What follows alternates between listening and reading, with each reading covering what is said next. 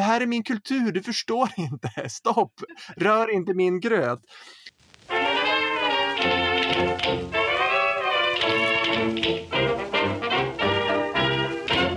Lysande lagom. Välkommen till Lysande lagom, podden där vi generaliserar om svensk språk, kultur och mycket annat. Jag heter Emil Molander, lärare i svenska som andraspråk. Och Sofie Tegsveden, Duvå heter jag. Jag driver företaget Be Swedish och jag har också en massa fördomar om svenskar och icke-svenskar. Eh, både du och jag, vi, vi har, lever ju ganska speciellt, alltså både privat och eh, i jobbet så är det ju liksom våra liv full av, eh, fulla av människor som kommer från andra länder och de flesta har precis som oss lever i förhållanden med, med någon från ett annat land eller en annan kultur och vi gör det själva. Men så här är det ju kanske inte för, för liksom eh, vanliga Svensson där ute i, i stugorna som man säger. Nej. Om man pratar vi, fördomar vi inga, alltså. Vi är ju inga vanliga Svensson, du och jag. Nej. Vi har ju utländska partners. Precis, vi, vi har ju ja, gjort saker. Hur länge har du, varit, hur länge har du haft eh, en fransk man? Ja, så det, det, jag blir så svettig varje gång jag får den frågan, för jag, jag säger alltid fel. Men vi, vi, vi är liksom officiellt ett par sedan den 22 juli 2010, tror jag. 2010, ja. ja. Så det är åt, åtta år. Jag har ja, varit ihop med ja. min fru i tio år. Ja, så du vinner så, här. Ja, precis. Men vad har vi lärt oss om det interkulturella om det interkulturella föräldraskapet och förhållandet här. Ja, precis. Det är jätteintressant att du säger just föräldraskap, för jag upplevde inte vår relation som interkulturell överhuvudtaget förrän plötsligt den där dagen där det liksom damp ner två barn och vi var tvungna att ta hand om dem.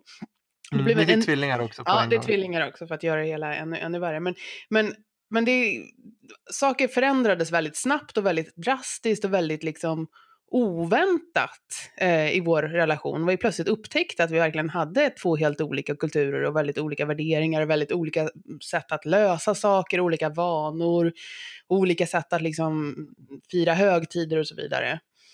Ja, ja men jag känner igen det där lite grann. Alltså jag tycker en liten del av tjusningen att vara ihop med någon med ett annat land är att man kan prata om eh, skillnader i kultur eller ja, säger man så eller gör man så mm. där i ditt land. Och så där. Men jag tycker också det, jag tyckte hela tiden att uh, vi hade väldigt lik kultur. Mm. Tänkte ja men norra Tyskland och Sverige det är typ samma sak, det är ingen stor skillnad. Sen fick vi barn och då börjar man märka de ja. små skillnaderna. Vilka, vilka skillnader har, har du märkt framförallt? Alltså det, jag tror den största chocken för mig är kanske inte någon skillnad i sig, utan att, att, att jag upptäckte hos mig själv att jag är så otroligt ovillig att kompromissa kring de här sakerna. Så jag blir så otroligt stenhård i att saker ska vara på mitt sätt. Liksom. Att det är ingenting som kan rubba mig alltså, och, och när, när, det gäller barnen. Och ändå inte jag, tycker jag, någon sån här som super, liksom, vad kallar man det, helikopterförälder eller sådär, att jag har något stort behov av liksom kontroll över mina barn och så. Men det, det, det är liksom vuxit upp någon slags, eller jag hittar en del av mig själv som jag aldrig liksom hade sett förut. Mm. Till exempel att det är klart att de ska lägga sig den här tiden eller att vi ska äta middag den här tiden, eller vad? Det som är viktigast för mig är att mina barn ska få ta risker och undersöka och upptäcka världen själv och inte bli begränsade av en massa nej. Eh, mm. Och, det där är, hade jag ingen aning om innan jag fick barn. Det hade jag liksom överhuvudtaget inte föreställt mig. Sen är det ju så, jag menar, som, det tror jag liksom alla föräldrar upplever oavsett om man kommer från ett annat land eller inte. Men man har ju det här liksom, haha, jag ska inte låta mina barn äta godis, liksom. De ska, mm. där ska jag säga stopp. Och sen blir det ju aldrig så till slut heller, utan man måste ju så att säga ge upp de där drömmarna. Men det här är något helt annorlunda, det här liksom Mm. Men, men kan det inte vara så att man har en, en partner från samma land också som man har barn med, att det blir att man har olika syn på sånt där? Jo, är det liksom, hur jo, mycket sitter det, i kulturen? Och... Det, det, är säkert så. Jag tror säkert, inte, inte bara jag, utan även ganska många i vår situation säkert överdriver de här kulturella skillnaderna eller kanske använder dem som en slags ursäkt för att vara annorlunda och säger att konflikter eller meningsskiljaktigheter beror på kulturen och kanske inte på personen. Ja, på gott och jag, det som jag tycker är skillnad, eller är skillnad när man har barn, det är att små oviktiga saker plötsligt blir väldigt viktiga. Mm. alltså att man vill, man vill att det ska vara på ett visst sätt för att man vill liksom föra sin kultur vidare eller någonting ja. sånt där. Att jag har ju som, till exempel så kom jag på mig själv för några veckor sedan att jag absolut ville baka mjuk pepparkaka. Det var jätteviktigt. Vi måste göra mjuk pepparkaka. Mina barn måste alltså? uppleva. Nej, nej, nej, det är inte ens en julkaka Nej, för mig nej. i alla fall. Alltså mjuk, du vet en sån här sockerkaka Ja, som inte ens, Ja, det det, har ingenting med pepparkaka att göra egentligen. Nej. Jag fattar inte ens varför det heter det. Men liksom det blev viktigt för mig. Mina barn måste ju få uppleva hur det är att äta mjuk pepparkaka i sin barndom. Och blev det Så det måste man bara göra. Jag har, inte lagat, jag har aldrig bakat det tidigare. Jag har Nej. inte ätit det på hur många år som helst. Förutom kanske när min mamma har gjort det någon gång. Ja, nu, men blev det av då? jag På. Ja, jag bakade det. Ja, Nu har de ätit mjuk pepparkaka. Ja. nu känner jag mig nöjd. okej. Det blir så här fånigt. Men, Ja. men då blir det också, då kan det bli liksom lite problem här när, när min fru då som hon har aldrig ätit mjuk pepparkaka, hon skiter väl i det. Det är, liksom, det, är, det är bara en kaka för henne. Men för Mm. mig är det liksom en smak av Ja, barndom. precis, att hon inte tar det på allvar heller. Ja, precis. Det kan ju bli så. Och det där har jag märkt till exempel när det gäller gröt. Gröt. Jag tycker ja. att en, en riktig frukost, då är det gröt, havregrynsgröt och den smakar havregrynsgröt. Ja. Men, men då så ibland så kokar min fru gröten och då så tänker hon så här, ja men det kanske är gott om man har lite fikon i den. Bara, Nej, man har inte det i gröt. Gröt har man lite sylt på och sen, så, och sen mjölk. Nej, men det är, det är nyttigare om man har fikon i. Alltså, men nej, det, då är det inte gröt längre. Eller till exempel, om vi tar lite mindre salt, den blir så salt. Nej, Då smakar den inte det är gröt. så här tycker jag. Nej, det här är min kultur, du förstår inte. Stopp, rör inte min gröt. Och det är skitlöjligt. Ja, men, Men- det blir men- den här liksom, det finns ju den här liksom, vad ska man säga, bristen på respekt för viktiga saker. Det var ju som när jag råkade Ja. föreslå att vi skulle skaffa en sån där adventsljusstake, sån här trekantig grej som folk har. Liksom, bara, vad, Ja. och så tittar vi på den, vadå liksom, låtsasljus av plast? Vad är det för billig skit liksom? Varför skulle vi köpa en sån? Jätteful grej liksom.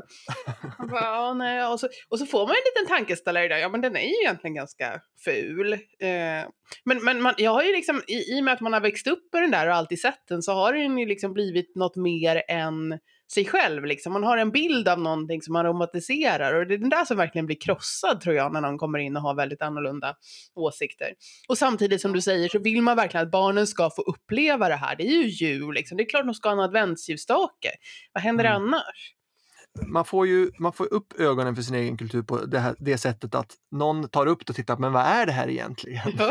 Och så ser man att det är ju ingenting. liksom. och, och jag har märkt det även på ord till exempel. Ja. Så, så det är såna här fraser som man säger bara till barn. För att man säger så. Och, så. och då har min fru ibland så här tänkt, men varför säger ni så där? Det är väl inget fint? Till exempel det här ordet morsgris. Ja, nu är, du, är du mammagris nu eller morsgris? För när man vill vara med sin mamma.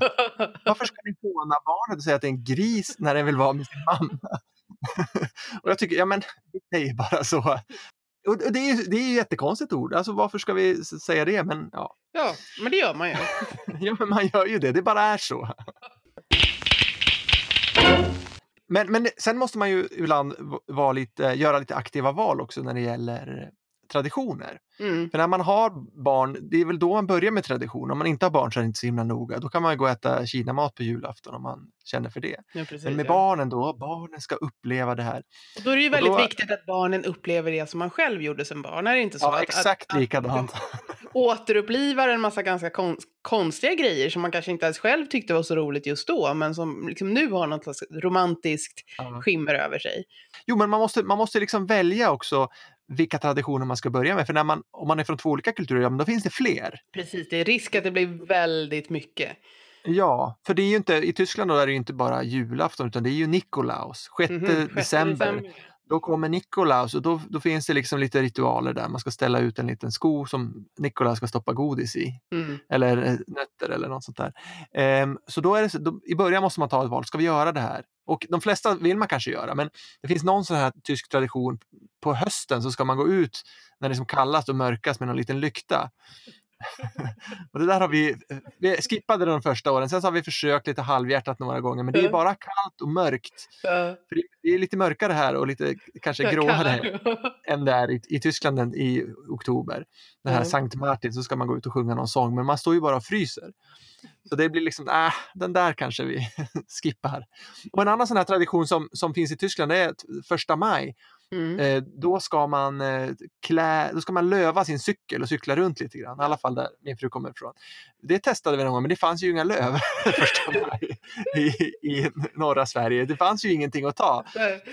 Cyklar runt lite granris liksom. Lite kvistar, det fanns inget som var grönt, så det gick bara inte.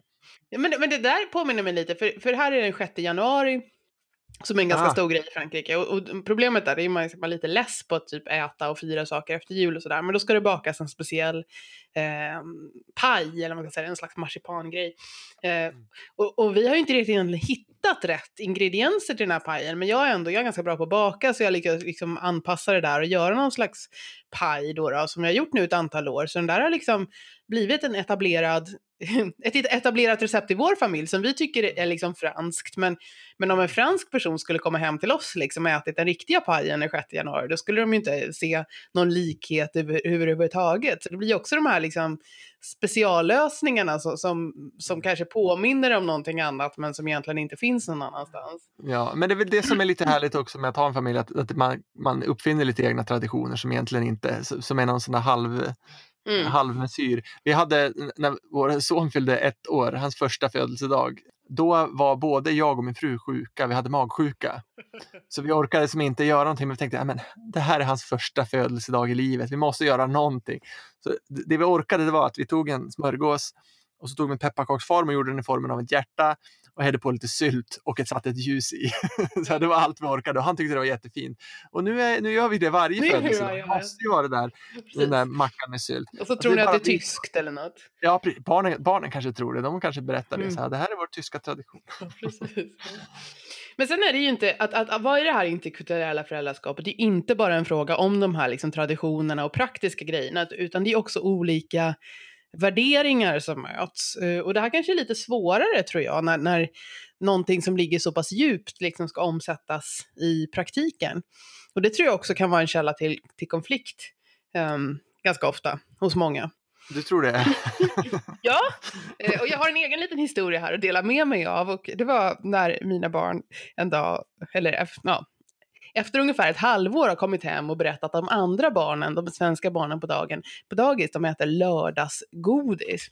Mm. Och min man eh, tycker ju då att godis är nog liksom det absolut äckligaste som finns Mm. på den här planeten och inte bara liksom själv... Typiskt utlänningar och inte förstå svenskt lösviktsgodis. Min Precis.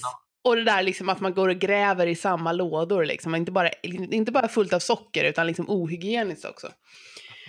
Och det här pågår liksom i sex månader, till slut bestämmer vi, ja men vi går och köper liksom lördagsgodis. Och så har vi, liksom, ja men i, eh, jag tror det var några veckor före de skulle fylla fyra år, så de fick tre godisar var bestämde vi. Och så skulle man gå tillbaka när de var fyra år så skulle de få fyra var.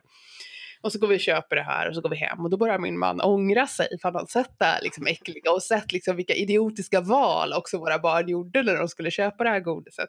Så han är liksom ganska sur. Mm. Eh, men i alla fall så bestämde vi, ska göra liksom lite mer fransk modell även om då fran- fransmän inte skulle göra något så äckligt. Men vi äter godiset till dessert Mm. eftermiddagen. Så, så när, när, maten är, när vi äter upp maten då serverar vi de här tre godisbitarna på ett litet fat till barnen och säger liksom varsågod och äta.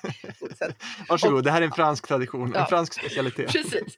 Och sen börjar de äta och de tyckte det var jättegott och min man blev mer och mer och mer provocerad. Så det slutar med liksom att vi drar igång världens gräl om det liksom var rätt eller inte att köpa de här, det här lördagsgodiset. Och barnen, Tre små godisar. Åh. och barnen försvinner någonstans liksom och, och leker sin grej och till slut är det sent och så liksom ja, på något sätt får vi dem i säng, fortsätter gräla och sen framåt midnatt så kommer vi plötsligt på men vi glömde ju borsta tänderna på barnen. Det är liksom det här typiska att man, på något sätt så visst man kanske grälar om de där värderingarna men då tappar man ju verkligen också fokus på vad som egentligen är viktigt. ja. Eh, och det är ju lite synd eh, kan man säga. ja, men snacka om att, att små saker blir viktiga när man är förälder. ja, nej men precis. Det, det där med, med, godis, med lördagsgodis, det, det är nog en källa till konflikt i många föräldrar, föräldrapar med, från olika länder kan jag väl Mm. säga utan att säga något mer. nej då, men, eh, men eh, Men å andra sidan måste vi stå ut med massa knäppa tyska och franska eh, saker. Ja, det är ju så. Man får ju stå ut med varann och då är det, det är väl alltid så med i föräldraskap och eh, att man måste välja vad man ska bråka om och vad man inte ska bråka om. Men, men vilka svenska värderingar känns det viktigt för dig liksom, att, du, att du förmedlar till dina, dina vad ska man säga, eh, ättlingar? Oj, jag vet inte vad det är för värderingar. Alltså, jo, men det är väl att man ska vara snäll mot andra. Men jag vet Mm. inte om det är en svensk Nej, värdering. Min fru säger det. Hon tycker att, att Sverige är mycket snällare än Tyskland. Ja, men det säger min man också. "Åh, Varför ska alla vara så snäll. snälla hela tiden? Ja, Han blir jätteprovocerad av det. ja äh, min fru har tycker att det är bra. Ja. Hon är lite sur på att folk är mycket hårdare i Tyskland. Ja. Men man ska vara snäll eh, mot andra. Eh, Det, det är väl den viktigaste värderingen. Men den, den är väl inte jättesvensk. Jag, jag har ju upptäckt att jag är, jag vill inte säga konflikträdd. Eh, Mm. Jag är konfliktekonomisk. Jag vill liksom hålla, hålla, jag vill hålla konflikterna nere så mycket som möjligt och försöka liksom skapa den här harmonin till vilket pris som helst. Och även Ja, också liksom föra vidare det. Så det, det, det är väl också en konfliktkälla skulle jag kunna säga. Men, men, det, men det, det intressanta tycker jag, det är att det är så himla viktigt när det kommer till de där små frågorna som händer, att det blir som man själv liksom har föreställt sig, att det går inte att kompromissa på det här. Att, eh, liksom när vi var ett par förut, ja men visst, vi kan äta Nutella till frukost liksom. Det är lite Mm. kul sådär, men Mm. barnen, nej, det går inte. Nej. Nej, men precis. Man måste ju skärpa sig lite när man får barn. Ja, precis. så bara. Jo, nej, men och sen så blir det väl lätt. Nu, nu har ju både du och jag fördelen, eller- vad man ska säga, av att vi, det är i våra hemland som vi bor. Mm.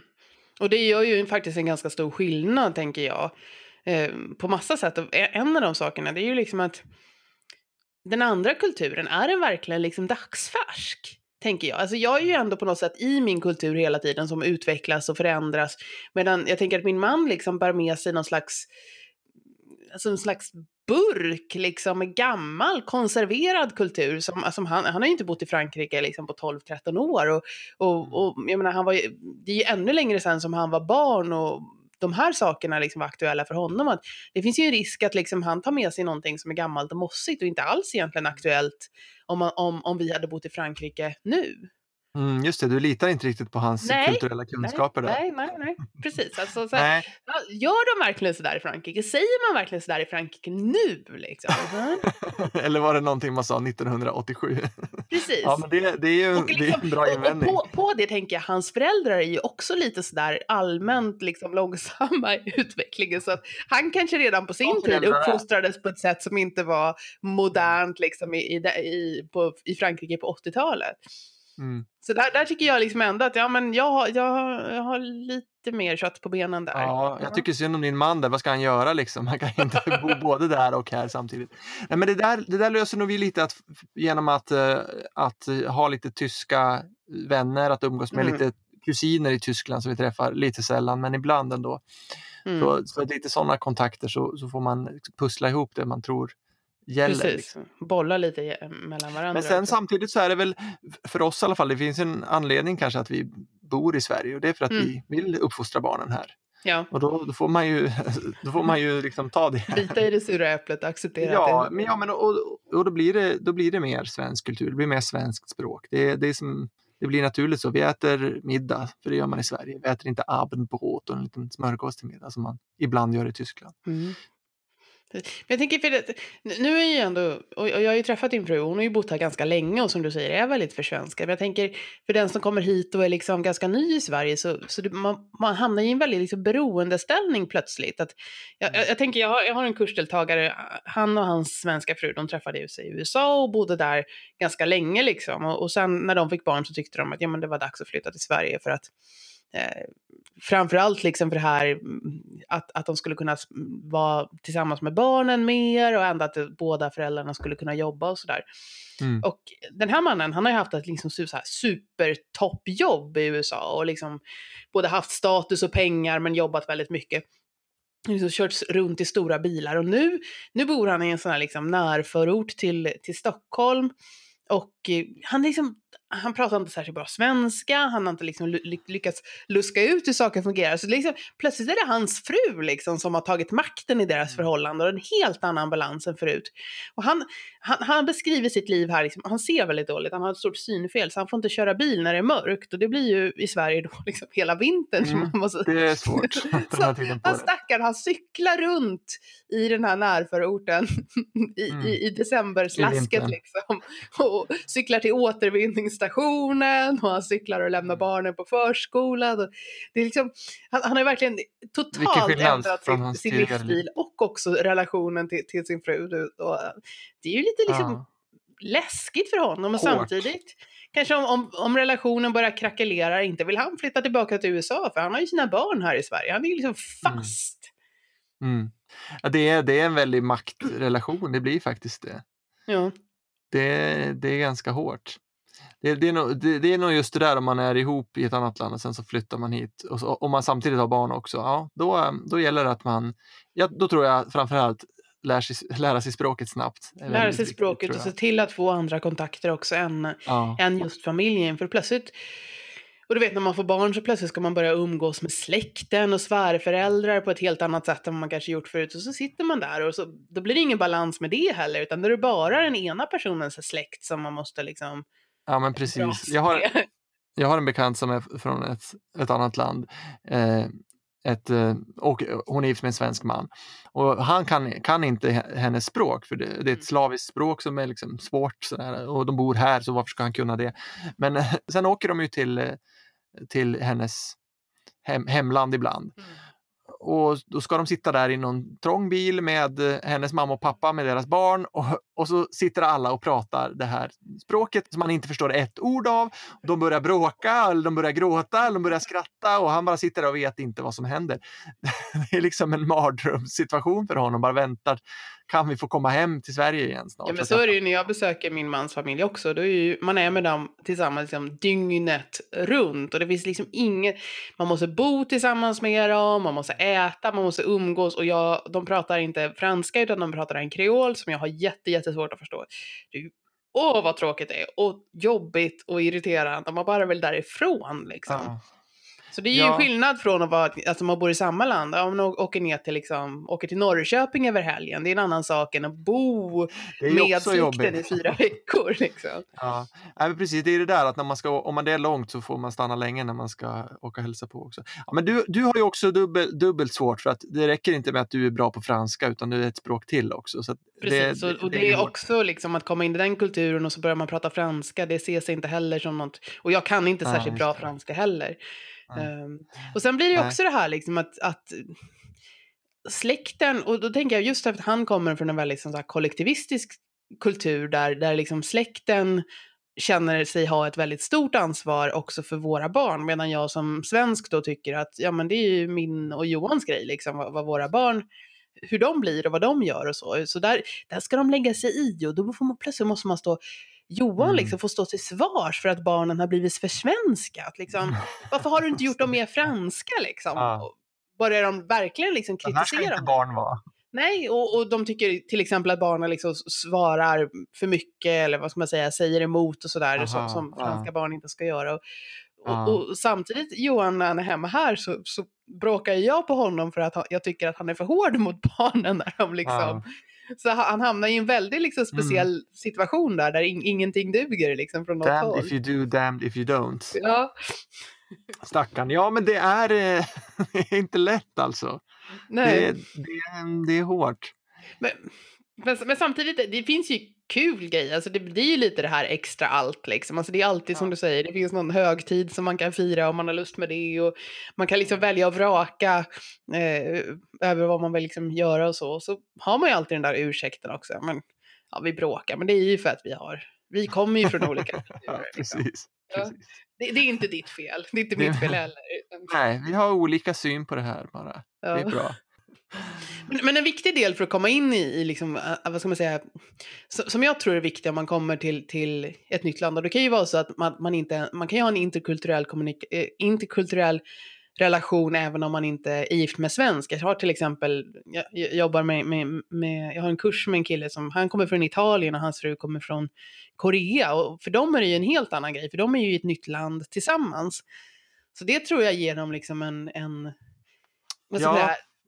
Allt är emot dem på något sätt. Alltså där hittar de ju någonting gemensamt tror jag, vilket jag tror kanske kan stärka sammanhållningen i föräldraskapet.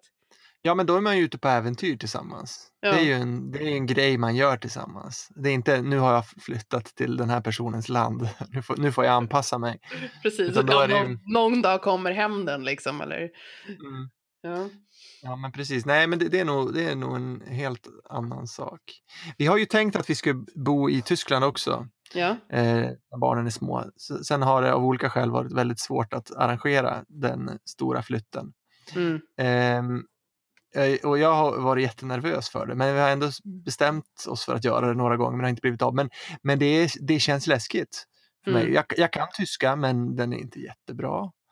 Och eh, kulturen, ja den är ju ungefär som här, men den är lite annorlunda och det, är- det är liksom svårt. Det är väldigt skönt att vara hemma i Sverige. Det är väldigt Så- skönt. Ja. Ja, men alltså jag har bott, bott utomlands förut under längre perioder också.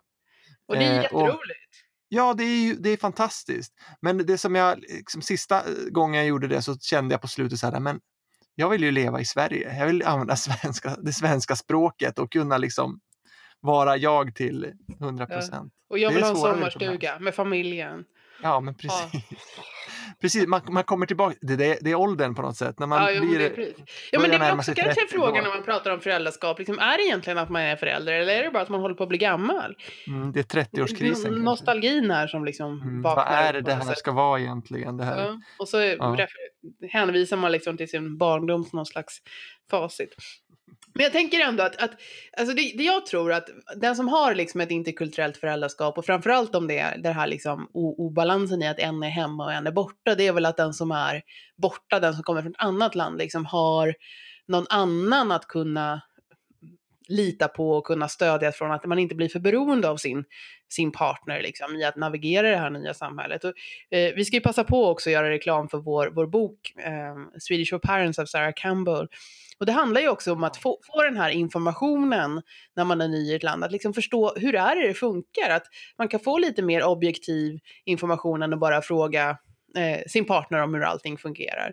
Det tror jag kan stärka en väldigt mycket och ge en liksom, någon slags liksom, självsäkerhet och självförtroende, att man kan liksom, ta vissa Ja. beslut kanske, som man kanske inte skulle våga annars, för man förstår inte riktigt hur systemet eh, fungerar. Så det, det tror jag är jätte, jätteviktigt, att man så att säga blir en del av samhället själv också, och inte bara via eh, partnern eller barnen. Precis, och det kan vara bra att ha någon annan källa till kunskap om omvärlden än sin partner också. för- Än sin partner som baserar Ja. mycket av den kunskapen från sin... Jag, menar, när jag pratar om förskolan och berättar för Johan, allting är baserat liksom, på mina minnen som när jag var fyra år och gick på dagis. Alltså, Det är väl inte särskilt tillförlitligt och saker har förändrats väldigt mycket. Nej, men precis. Så man, man kan köpa den här boken till sin eh, utländska partner då, eh, som är ny i Sverige. Swedish for Parents heter den. Finns att beställa på nätet eller på lysförlag.com. Och det var väl allt för den här gången, Sofie? Det var allt för den här gången. Tack för att ni har lyssnat. Sofie Tegström 2 heter jag. Emil Molander, hej då.